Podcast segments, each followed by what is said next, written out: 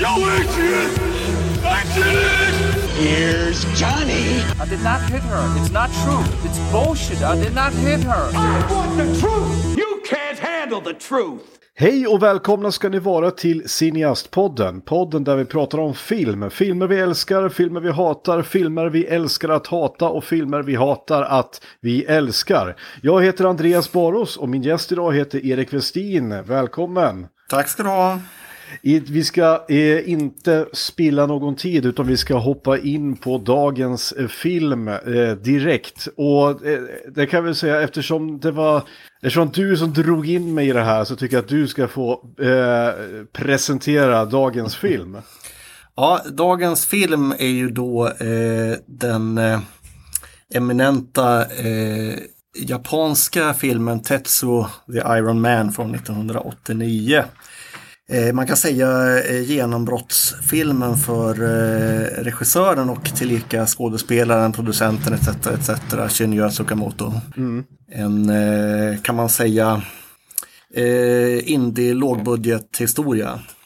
Eh, det är det verkligen. Jag gjorde lite research runt den här. Det var svårare än jag trodde att få fram information om filmen för att den är väldigt obskyr. Även om jag har förstått nu att det är ju en kultfilm. Och det är en film som har en eh, väldigt stor eh, fanbase runt om i världen. Eh, och eh, så jag, vad jag fick reda på var att eh, han då, Shinya Tsukamoto, som nu får ursäkta mitt uttal här, jag försöker. Shinya Tsukamoto. Jag tror det stämmer. Eh, han, han skrev den här som en pjäs. Till eh, början. Eh, som han eh, dessutom har satt upp när han gick då på japanskt college. Det verkar ganska svårt att göra en sån pjäs faktiskt. Man, ja, det är, den, den är ju väldigt visuell och den gör ju sig, men jag hade, alltså jag hade ju kunnat betala väldigt mycket pengar för att se den här på scen. Hur Ja. han får till det. Lite annat är, jag förstår att budgeten var bara 17 000 dollar. Eh, och det kan vi ju tycka är liksom, för oss som har hållit på med nollbudgetfilmer och sånt så, så är det ju jättemycket pengar. Men i det stora hela, när du ska göra en featurefilm, alltså en, en långfilm, 17 000 eh, eller då 170 000 svenska kronor, det är ju Det är små ingenting. pengar. Alltså. Det är ju Det är små- ingenting. Det är verkligen vad det kostar att filma i fem minuter på riktig Hollywoodfilm typ. Ja, verkligen. Eh, jag hade inte sett den här filmen så, så det var ju en, en upplevelse för mig, eh, måste jag ju verkligen säga. Men vi kan, vi kan försöka ta oss igenom den här filmen då. Och, eh, tack och lov så är, den, eh, är det inte jättemånga karaktärer att hålla reda på i filmen. För då hade jag gått sönder. Om det jobbigt var- ändå är det. Ja, det är ju det. Eh, det vi, så vi tar oss igenom den. Eh, det börjar med att vi får se en metallfetischist. Eh, resten av filmen eh, kommer jag att benämna honom som fetischisten. För att Ja, det, de har det, inga... han, eh, det är en anledning till att man vet att, att, att han är det är ju att han listas som det i eftertexterna. Kan man ju säga. Ja, exakt. Det, det, är ju vad, det är ju hans namn så att säga. Metal fetishist står det. Ja, och Men det man, står man, det är även ju ganska deskriptivt, man förstår ju, det är ju det han är liksom. Ja, Så att- och, och, och det börjar ju med en riktigt sån här... Det första jag la märke till i filmen, det är ju den eminenta ljudmixen. Ja, alltså ljudet, ljudet i den här filmen är ju, det är ju förtjänar en omnämning bara i sig, eller många. Det, det är ju fullständigt genialt. Är det. Ja, för jag, det, det var det första jag la märke till. Att liksom, Ja. För jag satt och tittade på den här filmen. Jag ska också säga att den är helt omöjlig att hitta på någon legal streaming-sajt. Så att jag var ju tvungen att fulstreama den här filmen. Ja, man får ju beställa på DVD i så fall, det går ju. Ja, och så satt jag med, med hörlurarna i och, och lyssnade på den. Och alla ljud var liksom inne under skinnet kändes det, som. Och Det, Det, det, det, var är liksom, krispigt här och det finns ju väldigt, väldigt stark anledning till det. Det, fin, det finns ju en oerhört eh, den drivande tanke bakom att eh, ljuddesignen är som den är kan man säga. Exakt, den ska ju liksom, eh, den, den ska ju förstärka upplevelsen. Och det är det, varenda andetag, varenda fotsteg, varenda, varenda beröring av någonting har ett ljud. Och det var jag märke till. Och framförallt, som sagt, eh, det börjar med att en metallfetischist eh, som spelas av Shinya Tsukamoto själv, han går in i sitt gömställe i Tokyo som är fullt av metalldelar och foton av kända idrottare, av någon anledning. Och då, då skär han upp eh, sitt lår och trycker in en stor jävla metallstav där. Och då, det var, här var, okej, det här var ju filmens första cringe. Alltså när jag rös till av, av liksom eh, sekundärsmärta, är det ett bra ord? Av behag.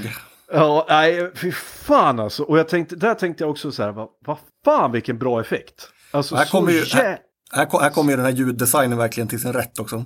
För här, här, man, det, det, är så, det är så väl genomtänkt tycker jag, för, för här sitter man inte ett ont anande och så har man, om man sett, men enda man har lagt märke till hittills är att han går ju barfota liksom, man tänker, man tänker de här, åh vilka, vilka tydliga krispiga ljud det är och så sätter han sig där inne och så är det lite så här eerie musik Ja. och så kommer det liksom lite från ingenstans det här bara, man bara Ja. överfalls av, eh, Ja, av den här scenen. nu, nu var ju jag, tyvärr måste jag ändå säga, lite förberedd. Alltså jag var ju lite förberedd på att det här skulle vara någonting med metall och att det skulle vara, och det skulle vara lite äckel och lite gore. Men att det skulle komma så snabbt i filmen, det var jag inte beredd på. Så, så här blev jag tagen på sängen i alla fall. Och i alla fall då, han trycker in en stor jävla metallstav ö, i sitt lår och skriker och sen så eh, lossar han då på, på, på, eller öppnar upp så och ser att det är fullt med, med maskar. Jag tror det är väl någon form av tidshopp där egentligen. Det har nog förflutit en del tid här emellan. Men det, det är filmen lite oklar med det, vilket jag uppskattar. Ja, den är lite oklart där, men eh, jag, jag, som jag förstår det så sker det ändå linjärt detta. Då springer han ut eh, på gatan, eh, han får ju någon slags panik ändå på grund av det som händer. Och så blir han påkörd av en bil. Och sen är det snabbt klipp till eh, nästa karaktär då som, eh, som är eh, benämnd i, som Salary Man, eller Man Ja. bara. Han har inget namn, men jag misstänker att det är han som heter Tetsuo. Jag, jag bara eh, förutsätter att det, det, det är han som är det. Ja, Eller det, det, Tet- tänk, det tänker man att det är liksom. Tetsu är Ja. ju egentligen, det betyder ju vad jag förstår järnman på japanska. Eller järn, men det är också, det är också ett extremt vanligt vad jag förstår japanskt pojknamn. Ja, för att det är Tetsuo, det jag förknippar det med filmen Akira. Akira, såklart. Ja, Mm. eh, han, det är han som sväller va? och blir en stor köttklump. Ja. Jag, jag tror det är en ren slump, för jag, jag tror att det är typ som heter, inte vet jag, Andreas i Japan eller någonting sånt. Det är Ah, bara okej. vanligt liksom. Jajamän. Han har i alla fall mardrömmar eh, om metall och industriella maskiner. Medan han rakar sig i sin lägenhet så eh, märker han en metallspik som sticker ut från kinden. Och det sprutar blod när han rör vid den. Och ehm, då pratar han med sin flickvän i telefon. Och det här också. Jättekonstig konversation mellan dem. Tänkte du på det? Ja, ja, men eh, det är ju, de säger ju typ hallå, hallå, hallå eller någonting sånt till varandra. Ja, Att du har typ- tio gånger var någonting sånt. Det, och det är ju liksom genomgående i filmen. Man, man vet inte riktigt vad som pågår i verkligheten eller vad som är eh, huvudpersonen som på något sätt dagdrömmer eller, eller hallucinerar eller fantiserar. Liksom. Det, är, det är lite otydligt allting. Vad, vad är liksom verkligt och vad är, vad är Ja. lite så, något annat. Men det, det är det som jag, jag tyckte ju ändå att det mesta vävdes ihop rätt bra i slutet, i alla fall narrativet. Alltså var, men, men vissa saker... Stor, storyn är ju ganska enkel egentligen. Det är bara det att det är svårt att hänga med i den första gången för att det är ju lite i, den presenteras inte riktigt i rätt ordning och så är det så svårt att hänga med på grund av den här fullst, konst, konstanta attacken mot sinnena som pågår.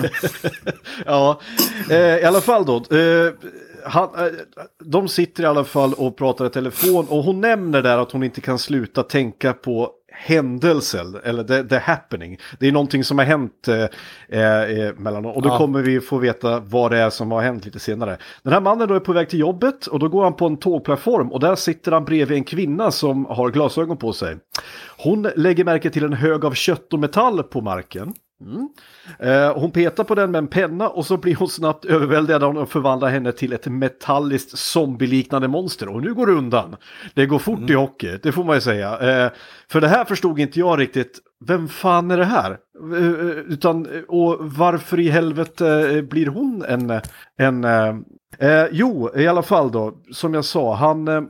Eh, han eh, träffar på någon kvinna där på tågperrongen och hon petar på en liten bit av kött och metall på marken och förvandlas till gör. en... Ja, som man gör.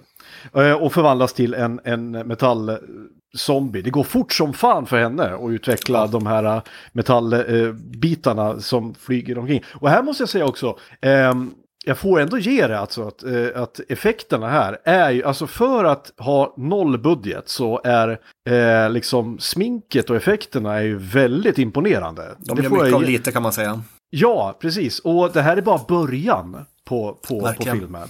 Stop Eh, motion animationerna som kommer sen är ju också i, i sin styltighet så är de imponerande och det de, de, gör, de gör något bra av att det är liksom hackigt och styltigt. Det Ja, blir liksom jag- jag- en del av precis. filmens så här artificiella känsla på något sätt. Vi kommer att komma dit ja, och jag håller med helt och hållet. Ehm, I alla fall, den här kvinnan då jagar ju honom då eh, in i en toalett och han hugger henne med en penna och sen så springer han och gömmer sig i en verkstad. Men hon hittar honom snart, men han besegrar henne.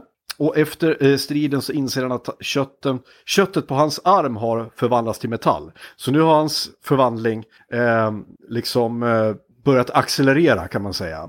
Lite, lite otäckt alltihopa det här kan man tycka. Och det, det framgår ju att huvudpersonen tycker det också. Det är mycket skrikande och eh, Ja, livrädda för, för sen kommer eh, grejen att jag kan, det är lika bra att vi adresserar det här nu. För, för att mellan varje scenbyte så är det väldigt mycket så kallade visioner och mardrömmar. Och eh, man vet inte riktigt vad som händer eller i, i vilken, eh, när saker händer och sådär. Men han hoppar omkring lite grann i en rökig verkstad och det är eh, väldigt mycket snabba inzoomningar på ansiktet och det är mycket skrik och det är mycket åh, ah.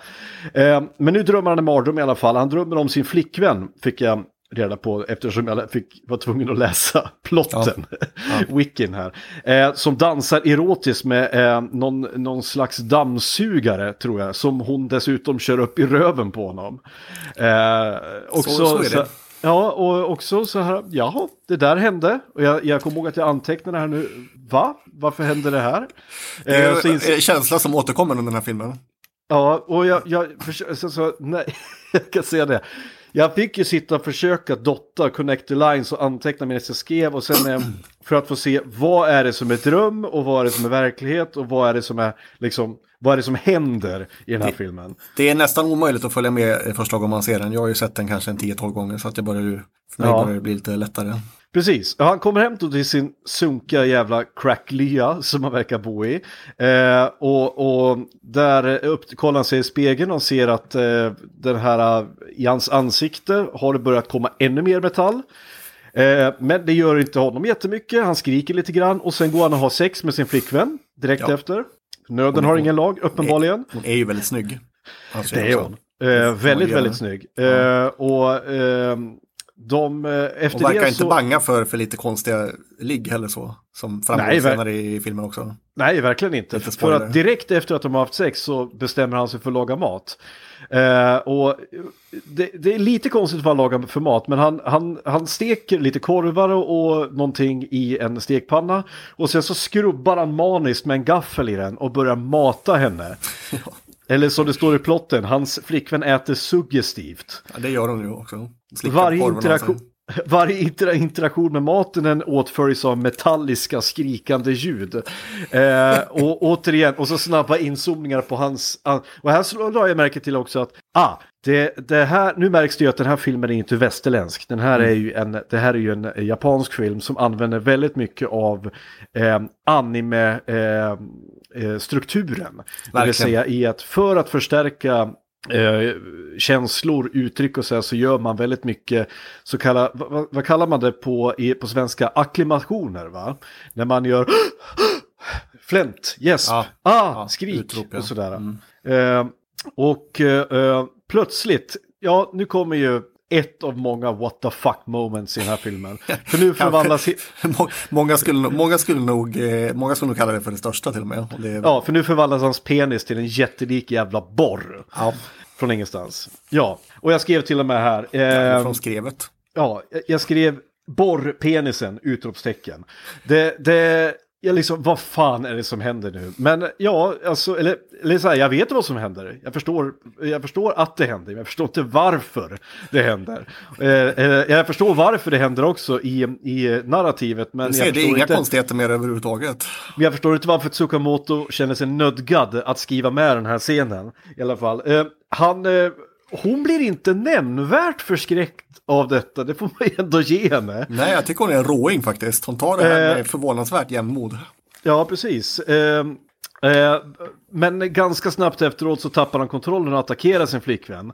Hon har, då försöker hon slå honom med en stekpanna och försvara sig ganska mycket och till slut så eh, Jo, han ger ju sig själv superkrafter också genom att sticka in en gaffel in i ett kontaktuttag.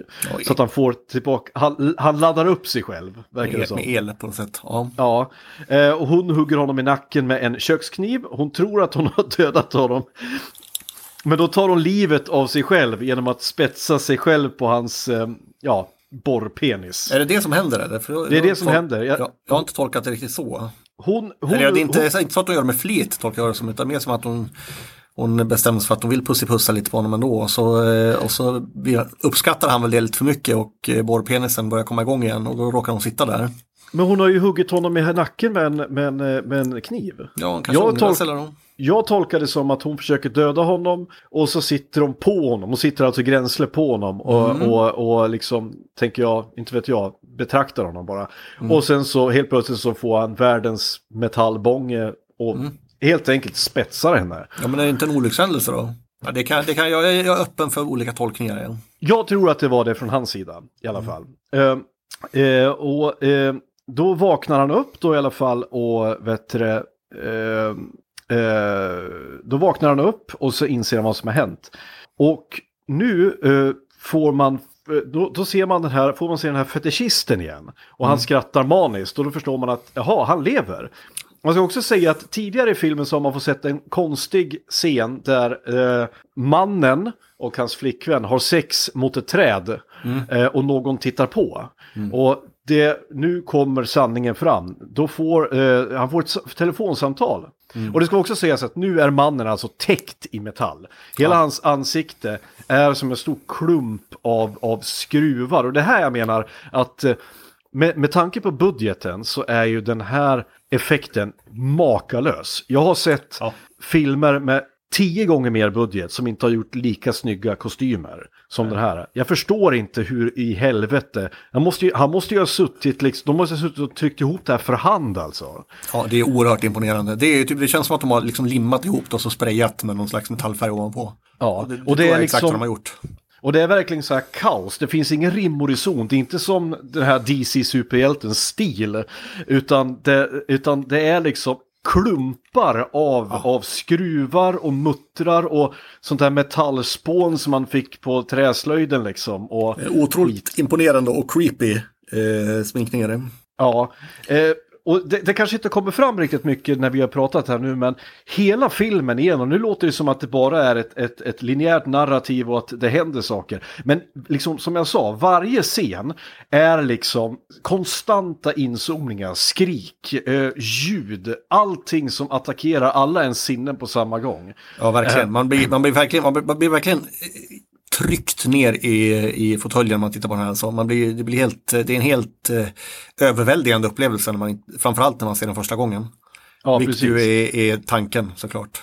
Ja, eh, och nu, nu börjar vi Och liksom oss... musiken har vi inte ens eh, pratat om än, för den, den är ju liksom elefanten i rummet kan man säga. Jag har tyvärr kompositörens namn har flugit i huvudet på mig, men det är en helt enastående typ av industriell lo-fi elektronisk musik som, som, synt, liksom, eh, som ja. liksom dominerar ljudlandskapet nästan hela tiden. Förutom de här effekterna som kommer så är det ständigt den här otroligt talangfulla eh, musikerns eh, skapelse som, som uppfyller det Ja. mesta av ljudlandskapet och ver- verkligen, verkligen, verkligen skapar stämningen i filmen.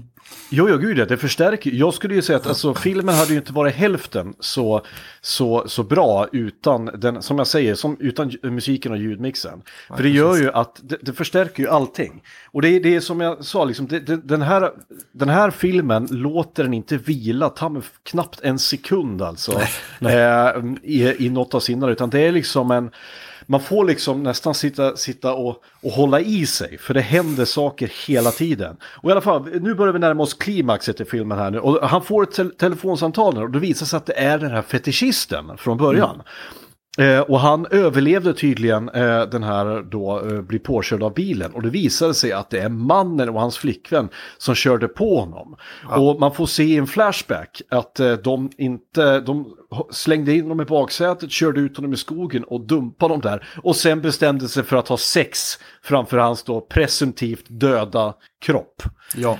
Eh, så Charmigt. vad jag, vad jag förstår då så är, är det som händer den här mannen då är fetischistens så kallade hämnd. Eh, på något sätt. Hur det, hur det nu har gått till. Vad Ja, om, det, om det är någon slags kosmisk eh, rättvisa som drabbar honom, det framgår inte riktigt på något sätt. eh, det är. Men, men nå- någonting är det ju, för han, han fetischisten har ju också klarat sig och blivit, blivit någon typ av metall halvspöke, zombie, Ja, men jag har inte fattat det här riktigt därför att jag, jag, jag, jag försökte ju föreställa mig honom som någon slags evil genius, ja, någon slags, eh, någon slags eh, eh, alltså geni. Som, för att jag, tänkte på den här kvinnan på tågperrongen som lyckades bli infekterad också. Han, alltså, han har ju ändå spritt ut någonting som gjorde att hon kunde bli. Eh, eller var det någonting som ramlade av mannen? Jag, först, jag, jag hängde inte vet med där inte. riktigt. Jag vet inte. Och det, det, det är nog nästan inte möjligt att lista ut från filmen hur det, hur det är. Men som jag, jag har fattat det är det någon form av eh, han har fått någon form av oklara krafter av eh, Ja. hela den här händelsen och eh, som gör att han kan ju sprida ut sin essens lite grann också eller kontrollera andra, andra eh, människor som han lyckas infektera med det här Ja. metallmutationen som han har. Ja, det är någon slags, vet du vad det påminner om jag tänker efter? Jag kommer du ihåg karaktären från X-Men, karaktären Cable? Ja, Ja, ja det påminner det- om det här teknoorganiska viruset ja. ja Exakt, exakt. Så är det. Eller Ja, Warlock eh. från eh, New Mutants, eh, eller Magus, hans pappa, alla de som hade det. Att man, Ja. så fort man rör någon så blir man smittad av dem och då har de någon form av kontroll över den. Ja men någonting sånt är det ju detta. Ja, och det skulle inte Fast förvåna mig före. om, om de är, inspirerade av varandra. Jag vet inte när Cable dök upp första gången. Ja, det Cable är en 90-talet? 90-talskonstruktion men det teknoorganiska viruset dök nog upp på 80-talet i och för sig i Liefelds, eller inte Liefelds, Liefeld var Cable, i, i Sienkiewicz och Claremonts eh, New Mutants.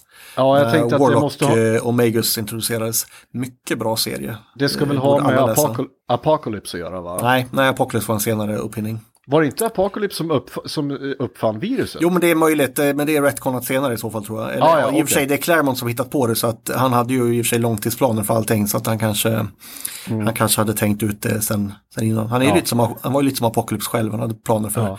20 år framåt i tiden i serien. Ja, men eh, som sagt, det var bara en observation jag hade när jag tänkte på det. För jag tänkte på hur de hade så här, konstruerat det. I alla fall, det nu finns börjar, absolut likheter. Nu börjar ju slutstriden här. Eh, Den här fetischisten dyker upp då i lägenheten. Och nu börjar de ju fightas och bara helvete. Nu blir det så Eh, att säga åka av, Ja, för att, eh, för att nu om får inte man också se... innan. Nu får man, jo, man får se det ett par gånger, men nu framförallt så händer det typ hela tiden. Nu ska då eh, den här fetischisten jagar då mannen genom stan. Och sättet de löser transporteringar genom stan är ju helt briljant. Och jag tänker så här att det hade varit mycket enklare att bara filmat en eh, enklare, mindre kostsamt och eh, att fi- bara filma en enkel chase-scen när de springer. Men nu valde de istället att filma stop motion. Ja. Och det är inte bara en scen heller, det måste ju vara dagar av material de Ja. har för att filma. För att de, de åker alltså igenom, för det är det de faktiskt gör. De åker Ja, igenom. de har någon form av raketer på fötterna som de eh, åker med. Ja. Och det här också, jag kommer ihåg jag satt här och tittade på. Jävlar vad snyggt alltså. Ja, det är Eh, fantastiskt eh, skickligt gjort alltså. Ja, eh, och eh, allting kulminerar sen i, en, i, i något gigantiskt eh, eh, vet du, industriområde där de då fightas och då eh, förvandlar fetischisten sin hand till en någon slags eldkastare Ja. och ska säga att nu ska du, ska du dö. Eh, men Iron Man då, eller han, nu har han ju blivit Iron Man på riktigt. Han använder sina krafter för att han lyckas då manipulera metallen runt honom och så vinner han över fetischisten. Och det slutar med att de smälter ihop till en stor jävla gegga av metall och skit. Ja, det blir nästan Där- som någon slags kärlekshistoria istället där de möts och liksom eh, förstår varandra på något sätt och så smälter de ihop till någon jättestor skapelse.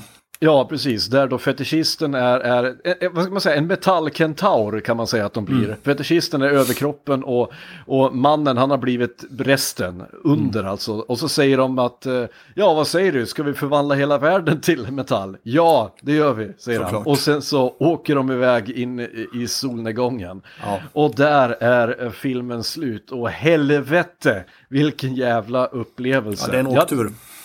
Eh, och som du skrev till mig också, den är föredömliga 57 minuter tror jag den var. Ja, 67 är den faktiskt, jag hade tänkt fel, men, men i alla fall bara lite över en timme. Mycket Ja. bra, mycket bra längd på en film. Ja, jag hade, inte, jag, hade inte, jag hade inte klarat mer, kan jag man, säga. orkar inte det. man orkar inte det, det är knappt man pallar med så länge. Nej, eh, eh, som jag sa, mina anteckningar jag har skrivit om det här också. Eh, jag tänkte på en sak i skådespeleriet. Det är ju, det är ju som sagt, det är ju väldigt japanskt, det är väldigt... Eh, men det, det påminner också väldigt mycket om eh, tysk expressionism. Ja. Eh, väldigt, väldigt stumfilms eh, estetik. Ja, det är det. det, är det. Eh, och jag tänker nästan att ibland så satt jag i filmen och tänkte fan vad synd att de hade dialog med ändå. Alltså, för att eh, den hade inte behövts. Kanske hade behövts att förklara vissa saker för att man ska kunna förstå. För att det är ändå en, en lågbudgetfilm som är svartvit ändå. Det kan man måste kunna se vem som är vem och lite grann sådär. Jag tror, jag tror ändå att det, det är bra, tror jag. det hade, blivit, eh, det hade blivit för mycket konstfilm över hela annars, så man hade inte fattat någonting. Jag tycker ändå att det är bra att man kan luska ut narrativet. Det hade varit- väldigt svårt utan dialog. Det hade blivit en, en begotten, ja, det bara i och för sig tycker jag det är en bra film också, men, men Ja. den är, det, det är så otroligt mycket mer luddigt då. Ja. Jag, jag, tror, jag, tror, jag, ty, jag tycker skådespeleriet är, i den här filmen är bra. Alltså det är väldigt eh, spot on för den typ av film det är. Liksom. Det är Gud, ja. over the top eh, och eh, liksom dramatiskt. Men, men det ska det ju vara för att det är ju, hela Exakt. filmen är ju sån. Exakt, jag tror att eh, det här skådespelet det är ju bara ytterligare en pusselbit för att väcka obehag i den som tittar på det. Allting finns inte en enda sak i filmen som är eh, in place, så att säga, som är, som är normal, utan allting är lite off, eh, och, eller väldigt mycket off. Eh, men till och med de sakerna som skulle kunna tänka sig vara normala, att jag menar, som sagt, jag satt där och reagerade på varför så stekpannan så konstigt ut? Mm. Varför kan han inte, varför, varför skrapar han med en gaffel i en stekpanna? Och där kommer den här ljuddesignen också, att det låter, det låter Ja. jävla högt när den skapar. Man blir verkligen störd av det. Ja, eh, och jag kan säga så här, eh, också till min förvåning när jag kollade upp det här. Eh, det finns ju två uppföljare. Ja. Eh, och frågan är, behöver jag se dem? Och ja, dum fråga, såklart behöver jag se dem. Jag måste ju se vad fan det här tar vägen. Inte så dumma de heller, eller jag har inte sett den andra, jag har sett den eh, första uppföljaren, Body Hammer. Men det, det är ju inte, det blir aldrig samma sak. Det originalet är ju, ja du får se dem själv, men i min, mina ögon är i alla fall överlägsen. Men har gjort- Fortsätter de narrativet eller? eller är Eh, det... Tvåan är ju i princip eh, en ny version av den här filmen med större budget och du kan ju själv räkna ut hur det blir då. Jaha, okej. Ja, den, den är helt okej men, men har, man sett, eh, har man sett den här så är det mer värt att se den en gång till. Ja. Men, Eh, men han har gjort andra filmer också. Eh, det här är ju inte hans eh, enda filmserie. Han har gjort andra eh, jättebra filmer. Inte lika bra som den, aldrig lika bra som denna men ändå sevärda. Framförallt en som heter Tokyo Fist tycker jag är ganska bra. Okej. Ja, jag kan ju säga det, det här är ju lite av en blind spot för mig. Jag är alldeles för, för, eh, för li, dåligt bevandrad i japanska filmer. Jag vet att både du och eh, Fredrik eh, Axén Ultra, han är ju, eh, gillar ju också japanska filmer. Och det, det, men jag tror, att, jag tror att det här är på väg framåt nu. Framförallt eftersom den här um, Netflix-serien Squid Game har gått så bra. Så börjar ju fler få upp ögonen för asiatiska filmer. Ja. Eh, så att jag tror att eh, vi kommer nog kunna få se en eh, revival av de filmerna. De senaste egentligen japanska filmerna som jag såg som eh, jag liksom gjorde någon analys eller någonting av, det var ju eh, Kurosawas eh, filmer. Vilka? Samurai, eh, samurajerna, Yojimbo och de här. Kanonrullar det också. Ja, ja, fr- eh, fr- otroligt bra. Jag såg dem på filmkunskapen i, när jag gick i skolan. Och, Ja, grymt. Eh, ja, gud ja. Och så, så jävla stilbildande som han har varit för västerländsk film Ja. också. Eh, med, tanke på att, ja, med tanke på att Sergio Leones eh, västernrullar i princip är retellings av eh, Kurosawas filmer. Han har bara kalkerat dem. Ja, mer eller mindre.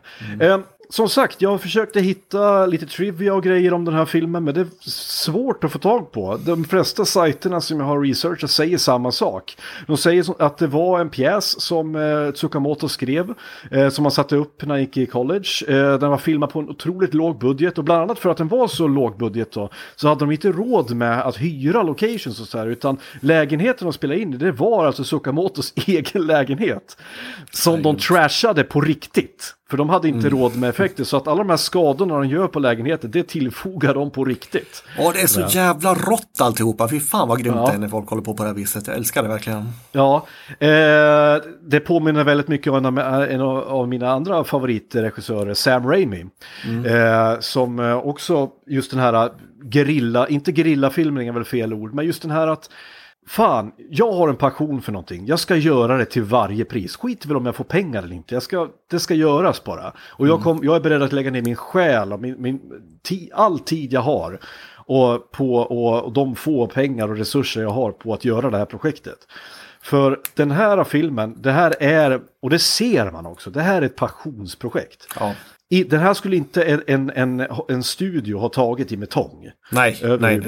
Det är en fullständigt omöjlig film på något sätt. Det, Ja. man kunna, det här kan man inte presentera för någon publik överhuvudtaget egentligen. Vem, vem är målgruppen? Nej, men du kan ju inte presentera det, hur ska du, alltså, du, jag, jag kan tänka mig att du kan presentera det på papper. Eh, men sen när du, första dagen när du visar upp dina första dailies, då är det Ja, ingen som exakt. kommer förstå vad fan du håller på med.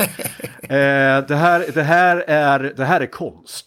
Ja. Eh, ren och skär eh, konst. Och jag ska vara ärlig, det är ingen film jag kommer att sätta på och titta på den här veckan. Kanske inte ens det här året igen. Utan här, nu har jag sett den klart för det här året. Nu kommer jag att behöva smälta den. Och så, för att på riktigt, jag fick ta en Ipren efteråt, alltså, för att jag var så överväldigad av, man- av, eh, av ut intryck. Man blir rätt så manglad blir man. Det blir man. Eh, men jag är otroligt glad att jag har sett den här. Och eh, eh, Det, det liknar ju, det är det är, ett slitet uttryck, men det liknar egentligen ingenting annat. Det finns influenser från massa olika håll, men jag har aldrig sett någon film som varit riktigt på det här viset faktiskt. Nej, och jag börjar, jag börjar, jag börjar liksom så fantisera, från 89 var det detta. Ja, För, 89. och, och det är ändå ganska sent in i, i, i, i... Jag hade tänkt mig att det här hade kunnat vara en 60-70-talsfilm. Nej, den är från 89. Och vad fanns... Och då tänker jag så här, okej, vad hade man sett på 89? Eh, 89? Då hade du ändå sett John Carpenters eh, The Thing. Du hade ändå sett eh, The Fly. Ja, visst. Eh, och eh, annan body horror. Och visst är de äckliga och jävliga, men jag tror att det här tar fan med priset alltså. Ja, det här är något annat. Det här är inte på samma sätt groteskt som att jag mår illa, utan det här är bara, det här är bara för mycket på en och samma gång. Ja. Som sagt, det är ett konstprojekt som jag önskar. Jag önskar att den här filmen ehm, får en revival och att den får visas för flera. För jag tror tyvärr att det är för få som har sett den här. Jag hade ju inte ens hört talas om den. Den, den är fortfarande ganska obskyr och har en, ett kultfölje bland, bland eh, vissa liksom eh, vissa grupper ska jag säga. Jag, jag känner ganska många som eh, den här filmen är liksom vardagsmat för. Och Ja. Inte alls något konstigt men eh, som du säger så eh, den förtjänar en större publik gör den. Även, det, är gör den. det, det är inte en film för alla, det, det är det inte. Men har man ett filmintresse, Mm. eh, alltså intre- ett intresse för mediet i stort så ska man se den här filmen tycker jag. För, för det, det är något eh, unikt. Det. Ja, det är det ju. Och jag, som sagt, precis som du säger, om man är ett, ett filmintresse och som konstform så är det här en film man, man bör uppleva i alla fall. Det är precis, skulle jag säga, samma sak. Man kan få tycka vad man vill om Citizen Kane och, och alla de andra klassisk, eh, klassikerna, men man bör ha sett dem. Sen, eh, sen, sen, kanske man in, sen kanske man inte har dem som favoritfilm. Jag tycker inte om Citizen Kane. Men jag förstår varför den är med på en sån här eh, topp 10, eller så här topplistor över eh, bästa filmer genom tiderna. Jag förstår absolut. Men Det jag var ju typ själv- 30 år före sin tid. Ja, gud ja. Och jag förstår som sagt. Alla, men jag personligen skulle inte sätta på den här filmen och, och, och nu ska jag kolla på Citizen Kane, vad mysigt. nej, det kan, räcka, det kan räcka med att sätta den en gång. Ja, Liksom. det, det, det, det är som med eh, Gudfadern. Samma sak där. Jag förstår att det, det, är, det är en fem plus-film, absolut. Men jag tycker inte det. Jag, De kan jag däremot se tio gånger utan vidare. Ja, och det är så här, det är det som är det fina med, med, med konst, det är en smaksak. Eh, men jag tycker att konst ska du i alla fall, eh, du ska åtminstone se den eh, och inte avfärda någonting. Eh, så, eh, till alla eh, cineaster där ute, vi kan varmt rekommendera Tetsuo the Iron Man, eller som det egentligen bara heter, Tetsuo. Ja. Det, det är det som är titeln. The Iron Man är ju en tilläggstitel eh, ja, för västvärlden, skulle jag förstå. Ordvitsen med vad namnet Tetsu egentligen betyder går ju liksom förlorad om man inte ger en undertitel. Det är väl det som är poängen. Ja just det, det tänkte jag också på. Det tog ju, det tog ju typ sju, åtta minuter in i filmen innan titel, titeln kom. Eh, Och då kom den på, då kom den med besked. Ja. Den täcker hela jävla bilden till så här, eh, en, ett stort, eh, liksom där ljudmixaren drog upp det till 11 liksom och sprängde subwoofern. Ja, Fullständigt. får rys när jag, när jag tänker på det. Det är ju Ja. eh, så jävla bra. Jag får, eh, eh, nu ska jag låta lite pretentiös här, men när jag ser den här filmen så får jag, jag, jag, jag, jag slungas liksom tillbaka till gymnasietiden på något sätt. När jag, på en tid där man inte satt hemma och var så jävla svennig utan man, man, man krökade i någon jävla industrilokal någonstans eh, och, och bara hade, man, hade, man hade råd och man hade tid att vara alternativ. Ja, JVVF-kulturen som vi fostrade i. Jag vill eh, vara farlig. Ja, Ja, just det det. japansk JVVF när det är som bäst. Ja, verkligen. Eh, som sagt, en film som inte är för alla. Men jag tycker absolut att alla borde ge den en chans. Sen kan det stänga av efter fem minuter, men eh, fem minuter kanske är nog för vissa. Eh, Ja, kolla trailern i alla fall. Om ni inte vill kräkas efter den så är det värt att se filmen. Ja, precis, precis. Eh, så det var Tetsuo the Iron Man. Nu har det blivit dags för veckans lista. Lista. Topp 5.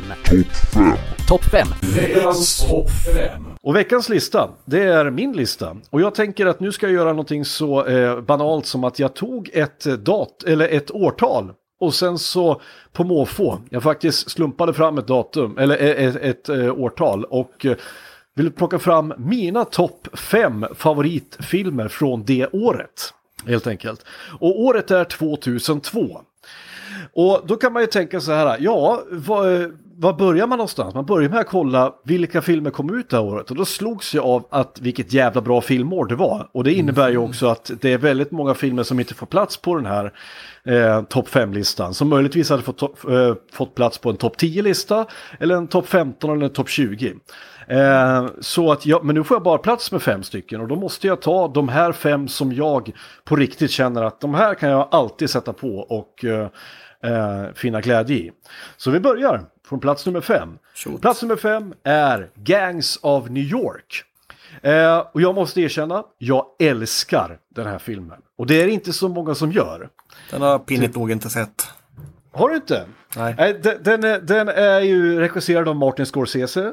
Eh, I huvudrollerna så ser vi Leonardo DiCaprio. Fick och- inte den här lite skit?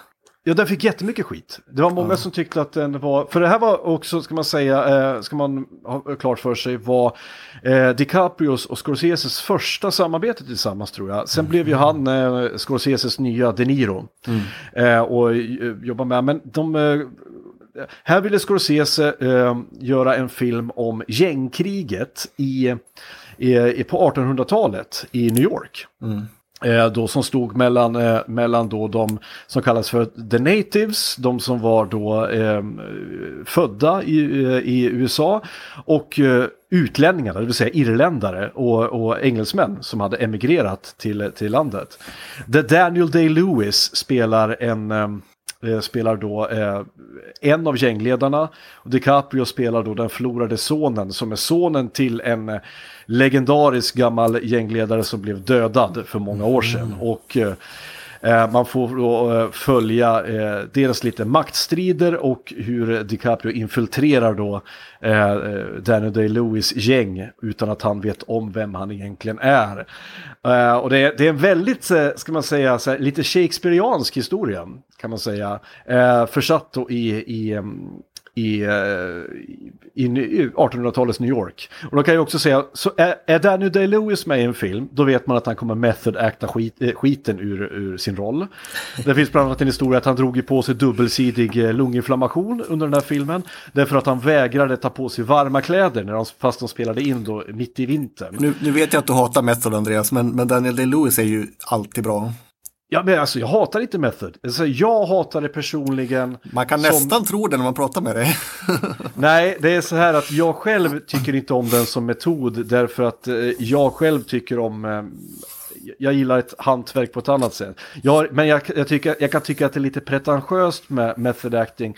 Framförallt med människor som tar sig på lite för stort allvar. Men, Daniel Day, men resultatet är ju det som räknas tycker jag.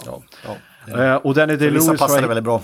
Ja, gud ja. Och Danny DeLewis har jag hittills inte sett göra en dålig roll. Och det gör han inte här heller. Här gör han en fantastisk roll som han naturligtvis blev Oscars-nominerad och jag tror till och med han tog hem den. Man brukar skämta om att ja, nu kommer Danny DeLewis att hämta sin Oscar igen.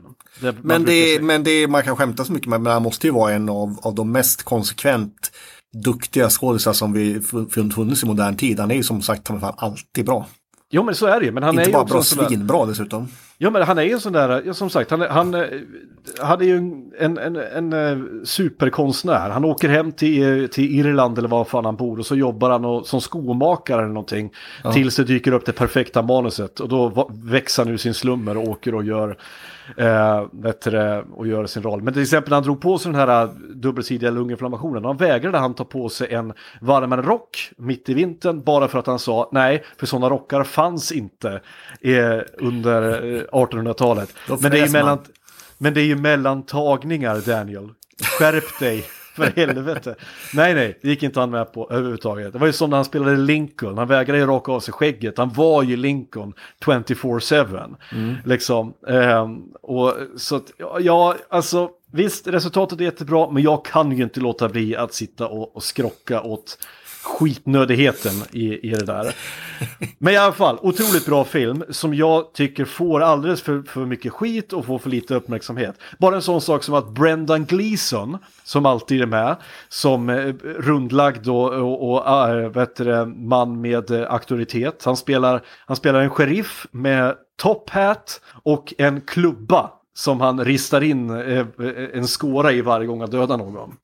Bara det är ju svincoolt. Den enda misscasten i den filmen det är då en, en kvinna som har försvunnit från rampljuset nu, Cameron Diaz. Som spelar eh, då kärleksintresset till DiCaprio. Hon är en bra skådis men här är hon felkastad tyvärr. Men den kan jag i alla fall rekommendera. På fjärde plats 2002 så kom den, den filmen vi alla hade väntat på, i alla fall vi fans, Spider-Man. Eh, I regi av Sam Raimi. Eh, och det ska man ha klart för sig att eh, eh, serietidningsfilmer hade betraktats som paria efter att Batman och Robin hade skjutit eh, genren i sank. Men sen 1998 så kom filmen som räddade hela genren, Blade. Eh, där Wesley Snipes gjorde, eh, gjorde genren cool igen. För, fotnot för övrigt, eh, jag såg att den filmen, första Blade-filmen, ska upp på bio nu igen. Oj, Eh, jajamän, det är biostaden som visar klassiker. den är bra som fan alltså. Den är otroligt bra. Men då, 2002, så eh, fick Sam Raimi av alla människor chansen att regissera Spider-Man. Och som han gjorde det. var Sam. Raimi är ju en av mina favoritregissörer för att han har gjort en av mina absoluta favoritfilmer, Left, inte förlåt, Evil Dead 2. Notera att jag inte säger Evil Dead, jag säger Evil Dead 2 för jag tycker den är superior, jag tycker den är absolut bäst. Eh, tätt följt av Army of Darkness som är eh, helt makalöst bra också. Men eh, när han fick göra Spider-Man så valde han att nu ska jag göra en serietidningsfilm. Och det gjorde han. Han omfamnade att det här är en serietidningsfilm. Det vill säga gjorde allting så jävla goofy och, och, och campy han bara kunde. Och det funkade för det var det vi ville se. Yes. Eh, det enda jag kan ha lite, eh, lite aversion mot i den filmen det är hur de gjorde Green Goblins eh, dräkt. Ja, lite Eh, pajigt. Framförallt ja. ansiktet. Men då sa de så här, ja men har du sett hur han ser ut i serierna? Ja, och det är inte hälften så pajigt som Nej. den där jävla muppdräkten de tryckte på honom där. De kunde ha Men, satt på men, det, men, men det då förlåts lite grann för drömcastingen av Willem Dafoe som Norman Osborn. Som ju är, han, är, han är bra. helt perfekt.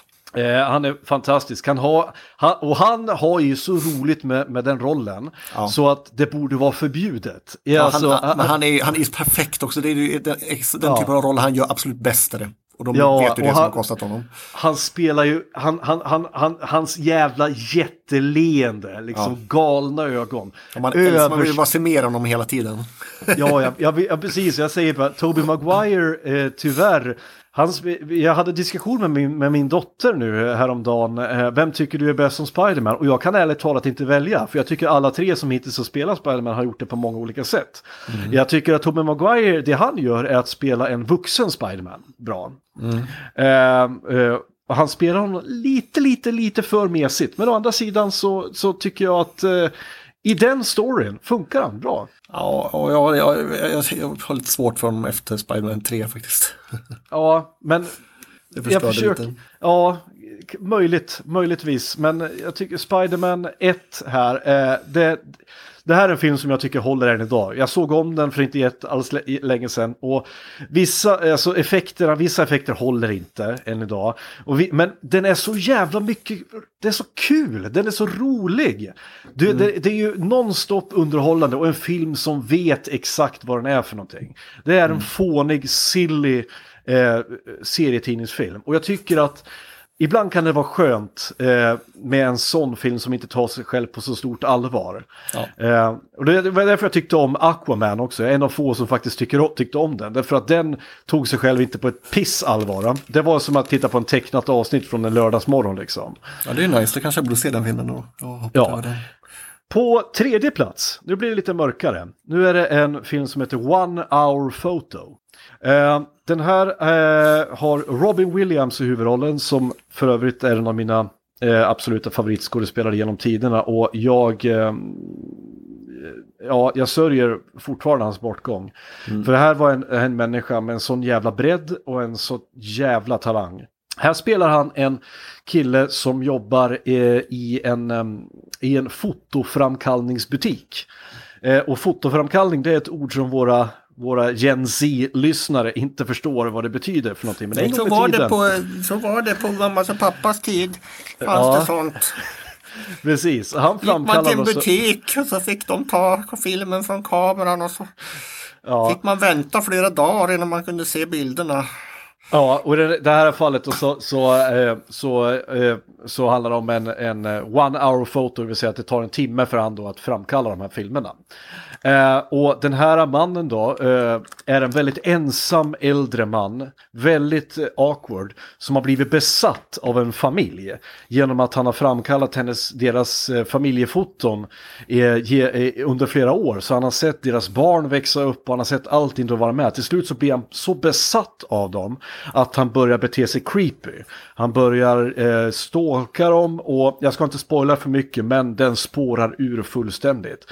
Och den, har du sett den här filmen? Nej, jag har inte sett den. Nej, här har du en rekommendation i alla fall. Okej. Eh, det här är ett av de mest otäcka, och då menar jag otäck på det sättet att det här kan mycket väl hända. Eh, eh, och det sätter ju fingret på just det här, det här stalkingen. Och även om vi kanske, det handlar om ett, ehm, eh, en, en, en, en teknik och en, en tid som har förflutit, att inte vi framkallar bilder längre, så har vi bytt ut det här mot sociala medier. Exempelvis. Så att eh, tanken att någon kan sitta och bli besatt av din familj och det du lägger upp på, på sociala medier, det finns ju kvar. Det här är lite otäckt för mig faktiskt. Just det här är lite en, en kryptonit. Ja. Den här typen av tem tematik alltså. Är Ja, och jag, jag tror att eh, när man tittar på den här filmen, nu var det ett tag sedan jag såg den, men, eh, men skulle jag se den idag så skulle det nog kännas lite väl close to home alltså. Eh, den här är en underskattad film som jag tycker får för lite uppmärksamhet, så den här kan jag rekommendera till alla. Eh, nummer två på listan, då är det en dokumentärfilm. Och den heter Bowling for Columbine. Ah. Eh, och det här är då Michael Moores, eh, eh, eh, jag skulle inte säga att första dokumentärfilm, men det är den första filmen som gjorde honom känd för den breda massan. Eh, och den handlar om, eh, framförallt så handlar den om då skolskjutningen, när ordet skolskjutning blev en sak som numera är tyvärr är household. Men då var det ett okänt begrepp. Eh, Men då, det var två ungdomar som eh, gick till en skola i eh, The Columbine Hi- High School. I Columbine i, jag minns, nu minns jag inte vilken stat det var, men var det eh, Ohio kanske? Eller Colorado, Colorado. Colorado var det väl. Eh, och, eh, I Colorado och eh, sköt ihjäl eh, elever och lärare och massa innan de själva tog sina liv. och eh, den här filmen då, den undersöker för det första eh, hur gick det till, varför gjorde de det? Eh, och sen så tar de ett grepp på de amerikanska vapenlagarna och eh, NRA eh, och, och vapenlobbyn där. Och, och det, det är väldigt många eh, grepp de tar här. Och jag tycker att den här filmen är den bästa som Michael Moore har gjort. Han har Ja, släppt är ett par nog. dokumentärer efteråt.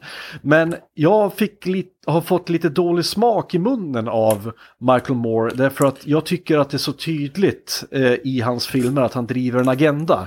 Ja, Även han, ska, om han han håller... skarvar lite med sanningen också ibland. Eller han, han överdriver lite och håller på lite för mycket kan jag tycka. Ja, och, eh, och det var ju som den här filmen, han gjorde en film som heter Far Night 9-11.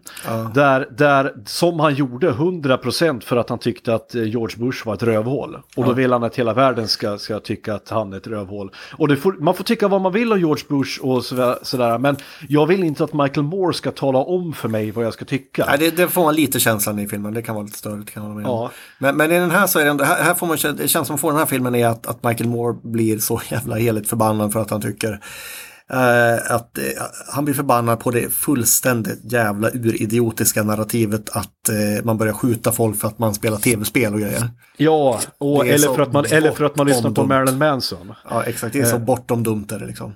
Och då han, han, gör, han drar lite upp lite fina siffror när han jämför gun violence i Kanada jämfört med, med gun violence i USA. Han tar upp eh, eh, teorier om att eh, USA är en, eftersom USA är en marknadsnation så vad är det som driver marknaden mest av allt? Jo, det är ju eh, rädsla. Det är räds, fear of missing out eller fear for your life. Det vill säga att rädsla för att inte ha det grannen har eller rädslan för, att, eh, för, för vad som helst. Det är det som driver konsumtion. Och det var en ganska intressant, eh, det var en sak som jag då som eh, dryga 20-åring inte hade liksom reflekterat jättemycket över. Men här vaknade jag liksom lite upp ur dvalan. Det här filmen var en väldigt viktig film för mig. Ehm, och, och, och jag, jag, jag tänkte på den här filmen och amerikanska vapenlagar så sent som nu i veckan i och med det här fallet. Det här kommer att vara daterat när någon lyssnar på det här. Men i fallet då han Kyle Rittenhouse Ja. i, i USA som eh, då eh, eh, tog med sig en automatkarbin och eh, ja, enligt vad domstolen kom fram till eh, sköt ihjäl tre personer i nödvärn. Men att ens han, en 17-årig kille, kan äga en automatkarbin Ja. eh, är ju det jag tycker man bör ta fasta på i det här eh, narrativet. Varför hatar du frihet så mycket Andreas? Ja, jag, jag vet inte, jag är väl, jag är väl en kommunist, nazist, muslim, eh, feminist, beta-mail, det är väl därför. Helt enkelt. Men bollen från Columbine i alla fall. Eh, jag misstänker att eh, alla som lyssnar på den här podden har sett den. Jag vill bara återigen, eh, det, jag tycker att den här förtjänar eh, sin plats i rampljuset. För det här är en bra dokumentär, en av de bästa. Och på första plats, det här kommer inte komma som en chock för någon egentligen, men eh, jag, kan, jag, kunde inte, jag, jag, jag kollar på alla filmer som kom ut det här året och jag kunde inte välja någon annan film att sätta på första plats. Och det var då Lord of the Rings, The Two Towers. Ja, okej. Ja, va- va- vad ska jag säga? Det, det var en film, jag, jag har aldrig längtat efter en film så mycket som jag gjorde efter, eh, efter att jag hade slutat, eh, eh, efter att jag hade sett den första filmen. Eh, och när den kom då ett år senare, eller om det var två år senare, så, eh, så var ju det här precis allting jag ville ha. En film en som började... En film som började efter en cliffhanger och slutade med en cliffhanger. Det är en käftsmältig film. Det, var en, det, är, det är effekter som håller än idag, musik som är lika episk idag, en historia som är lika episk idag. Ehm, som än idag fantasyfilmer fortsätter att försöka efterlikna. Alla filmer försöker att, att uppnå eh, Lord of the Rings eh, storhet. Utan att lyckas kan man säga. Utan att lyckas. Eh, jag kan säga lite snabbt här, vi ska försöka avrunda alldeles strax. Eh, eh, så, filmer som, eh, exempel på filmer som inte kom med eh, på den här topp 10-listan, det var till exempel Guds stad eller eh, eh, City of God, brasiliansk film, fantastisk film. Eh, Pianisten kom inte heller med på, på den här. Adrian Brody spelar en judisk eh, musiker under andra världskriget eh, och han försöker överleva i ett förintelseläger. Eh, en massa filmer kom ut det här året. Och, och Minority Report, en jättebra science fiction-film. Eh, som bygger på en Philip K. Dick-bok. Inte helt oväntat, eftersom de bästa science fiction-filmerna gör det. Eh, har du någon eh, som ju- du tycker att jag eh, har missat här från det året? Eh, Jag vet faktiskt inte vilka som kom det året. Men det, är- du har fått med ett gäng riktigt, riktiga kanonroller alltså. Av de jag sett Ja. i alla fall. Eh, ni lyssnare, har jag missat någon? Eh, eller har ni några som, som ni själva, hur skulle er egen topp 5-lista se ut? Eh, skriv gärna i kommentarerna. Eh, tack till alla patrons för att ni har önskat filmer. De ligger i pipelinen, de kommer att komma. Tack till alla patrons som bara stöttar podden med några kronor i månaden. Det gör väldigt mycket, många bäckar små. Gilla mig på Facebook, gilla mig på Instagram. Jag försöker att ge ut ett avsnitt i veckan. Det är inte alltid det går, men jag försöker i alla fall.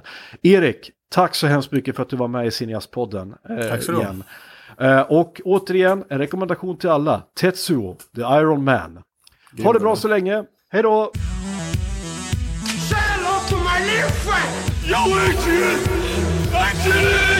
Here's Johnny. I did not hit her. It's not true. It's bullshit. I did not hit her. I want the truth! You can't handle the truth!